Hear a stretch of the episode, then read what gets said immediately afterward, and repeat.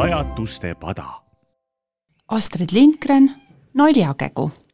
nüüd ma seda enam välja ei kannata, ütles Gunnar ja Gunilla ema täiesti ootamatult ühel päeval enne jõule. ei, mina ka mitte, ütles Gunnari ja Gunilla isa. Gunnar ja Gunilla lamasid lastetoas ja kuulsid kõike. küllap nad teadsid, mida nende ema ja isa enam välja ei kannata.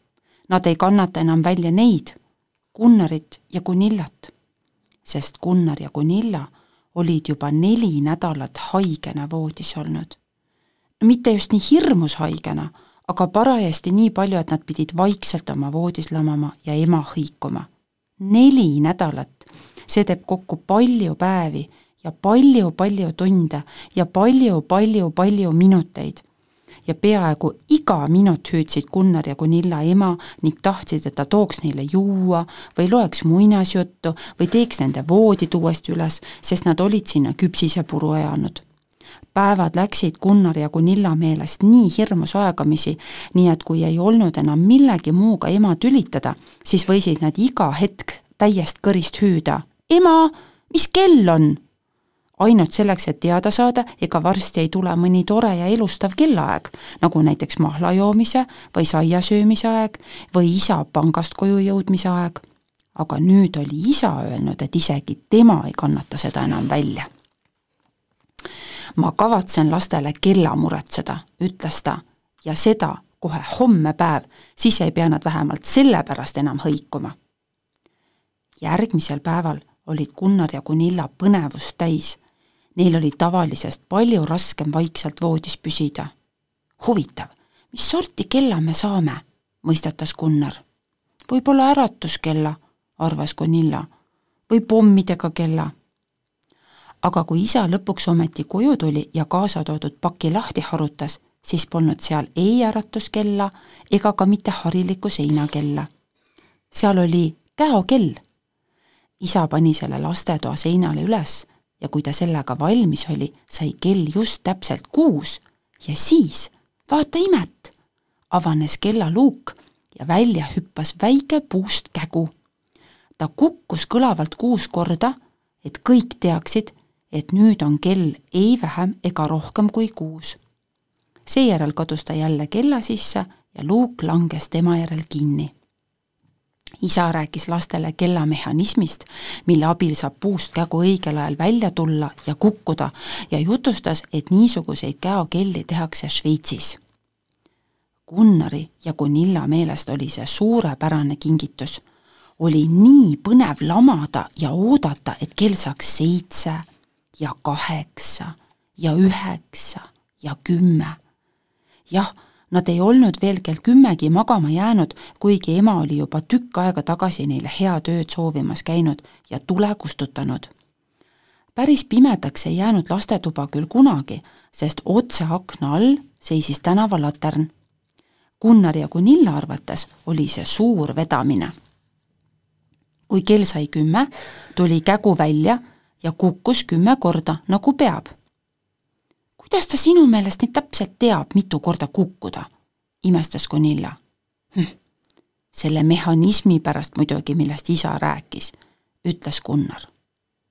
aga siis juhtus midagi imepärast. kellaluuk avanes uuesti ja väike puust kägu tuli välja. mehhanism ja mehhanism, sisistas ta pahaselt. on ka midagi, mida kutsutakse matemaatikaks ja seda ma oskan. see tähendab, et ma oskan arvutada, vaat nii. Gunnar ja Gunilla tõusid voodis istukile ja vahtisid teda sõnatult.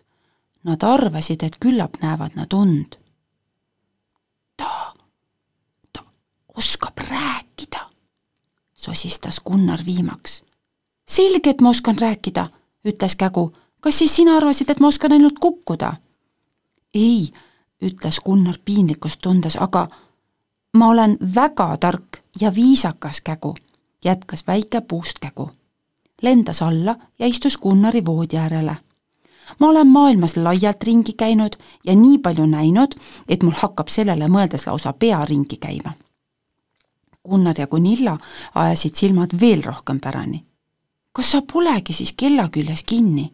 küsis Gunilla viimaks väga viisakalt. muidugi mitte, ütles Kägu etteheitvalt. nii ainult arvatakse.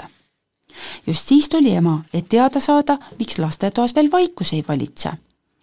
Kägu kadus välgu kiirusel kella sisse tagasi ja lõi luugi enda järel pauguga kinni ema oli juba tükk aega tagasi ära läinud, kui Kägu lõpuks jälle välja ilmus. aga miks ema ei tohtinud näha, et sa oled elus? küsis Gunilla. see on saladus, ütles Kägu. see on saladus, mida ainult lapsed võivad teada. suured inimesed ei usuks seda nagunii. Nad arvavad, et kõik käod käokellades on puust ha,. ha-ha-ha, nad on ise puust, just seda nad on, nii tõesti, kui minu nimi on Naljakägu. naljakägu see nimi sobis nii Gunnari kui Gunilla meelest hästi. Nad olid oma uue kellaga aina rohkem ja rohkem rahul. Naljakägu lendas toas edasi-tagasi, samal ajal nendega lõbusalt lobisedes. vanduge, et te mitte kunagi mitte kellelegi ei räägi, et ma olen elus, ütles ta, sest kui te seda teete, siis ei ütle ma enam kunagi sõnakestki, vaid ainult kukun kellaaega. ja muuseas, jätkas ta nüüd on vist kõige parem, kui me koikusse kobime. ma kardan, et ma magan muidu sisse. mul on alati nii raske ärgata, kui pean kell kolm öösel välja hüppama ja kukkuma. Õieti oleks mul äratuskella vaja, ütles naljakägu ja kadus väikesest luugist kella sisse. järgmisel hommikul toodi Gunnarile ja Gunillale hommikusöök voodisse nagu tavaliselt. ema istus nende kõrval, kuni nad sõid. naljakägu tuli välja ja kukkus kaheksa korda muidugi ei öelnud ta sõnagi. ta ainult pilgutas lastele silma. Gunnar ja Gunilla vaatasid teineteisele vaimustatult otsa. Nad ei olnud seda unes näinud. Ta oli tõepoolest elus, oivaliselt, imepäraselt elus.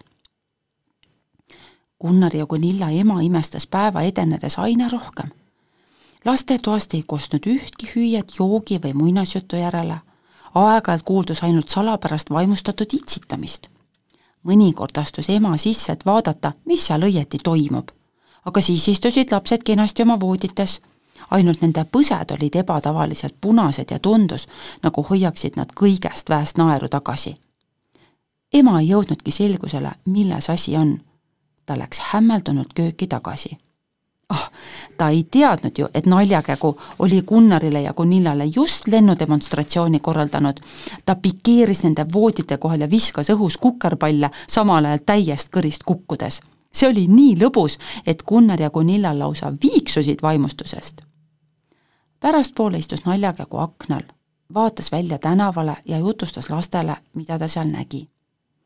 väljas langes tasakesi lund varsti olid ju jõulud tulemas ja paljud lapsed kiirustasid mööda, käed pakke täis. Gunnar ja Gunilla ohkasid. meie ei saa sel aastal küll ühtki jõulukinki osta, ütles Gunnar kurvalt. ei, sest me ei saa enne jõuluõhtut voodistki välja, ütles Gunilla. Selle asja võin ma korda ajada, ütles naljakägu. tehke mul ainult aken lahti, siis asun kohe teele. aga meil ei ole ju raha, ütles Gunnar ainult natuke, ütles Gunilla. ka sellega saame hakkama, ütles naljakägu. ma oskan kuldmune muneda, ma munesin öösel kolm tükki, need on üleval kella sees. vuhinal lendas ta kellalöögist sisse ja tuli tagasi, nokas maailma kõige armsam väike kuldmuna ta pani selle Gunilla pihu peale ja Gunilla meelest oli see kõige ilusam asi, mida ta kunagi oli näinud. ole nii hea ja võta see endale, ütles Kägu ma munen tasapisi uued. aga nüüd tehke aken lahti, et ma saaksin minna päkapikkude juurde jõulukinkide järele. Stockholmis pole küll mingeid päkapikke, ütles Gunilla kahtlevalt. ma ei usu, et te teaksite eriti palju sellest, mida kõike Stockholmist võib leida, ütles naljakägu Te käite ringi, silmad ja kõrvad kinni, selles viga ongi. muidu võiksite näha haldjaid kevadõhtuti humlekaardenist tantsimas ja kuulda, kuidas päkapikud praegusel jõulueelsel ajal all vanalinnas oma töökojas askeldavad. oo, ütlesid Gunnar ja Gunilla ainult ning kiirustasid akent avama, et naljakägu võiks lennata päkapikkude töökojast jõulukinke ostma. kogu päeva lendas kägu kuldmunade ja pakkidega edasi-tagasi see oli üsna suur töö, sest ta pidi ju ka kellal silma peal pidama ja õigel ajal kukkuma. ta tõi imelisi asju, arvasid Gunnar ja Gunilla. pross ja käevõru emale, rahakott ja sulenuga isale ning terve hulk ilusaid mänguasju tädilastele Oden-Kaatanilt.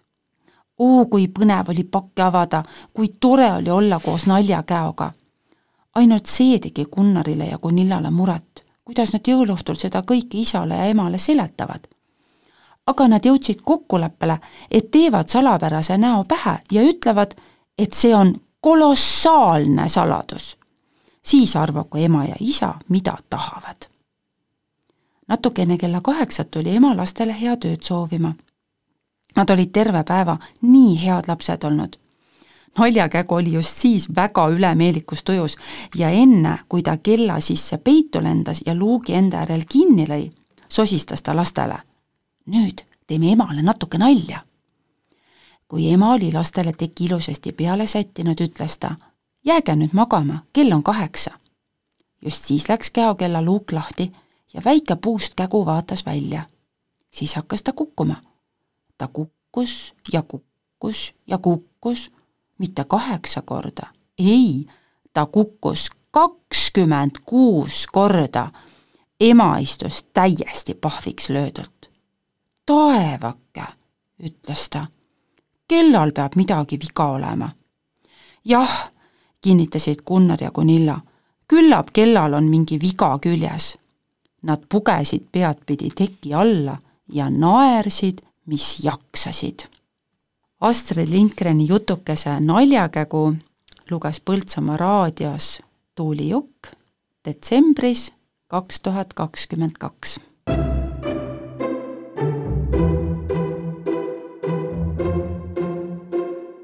pajatuste pada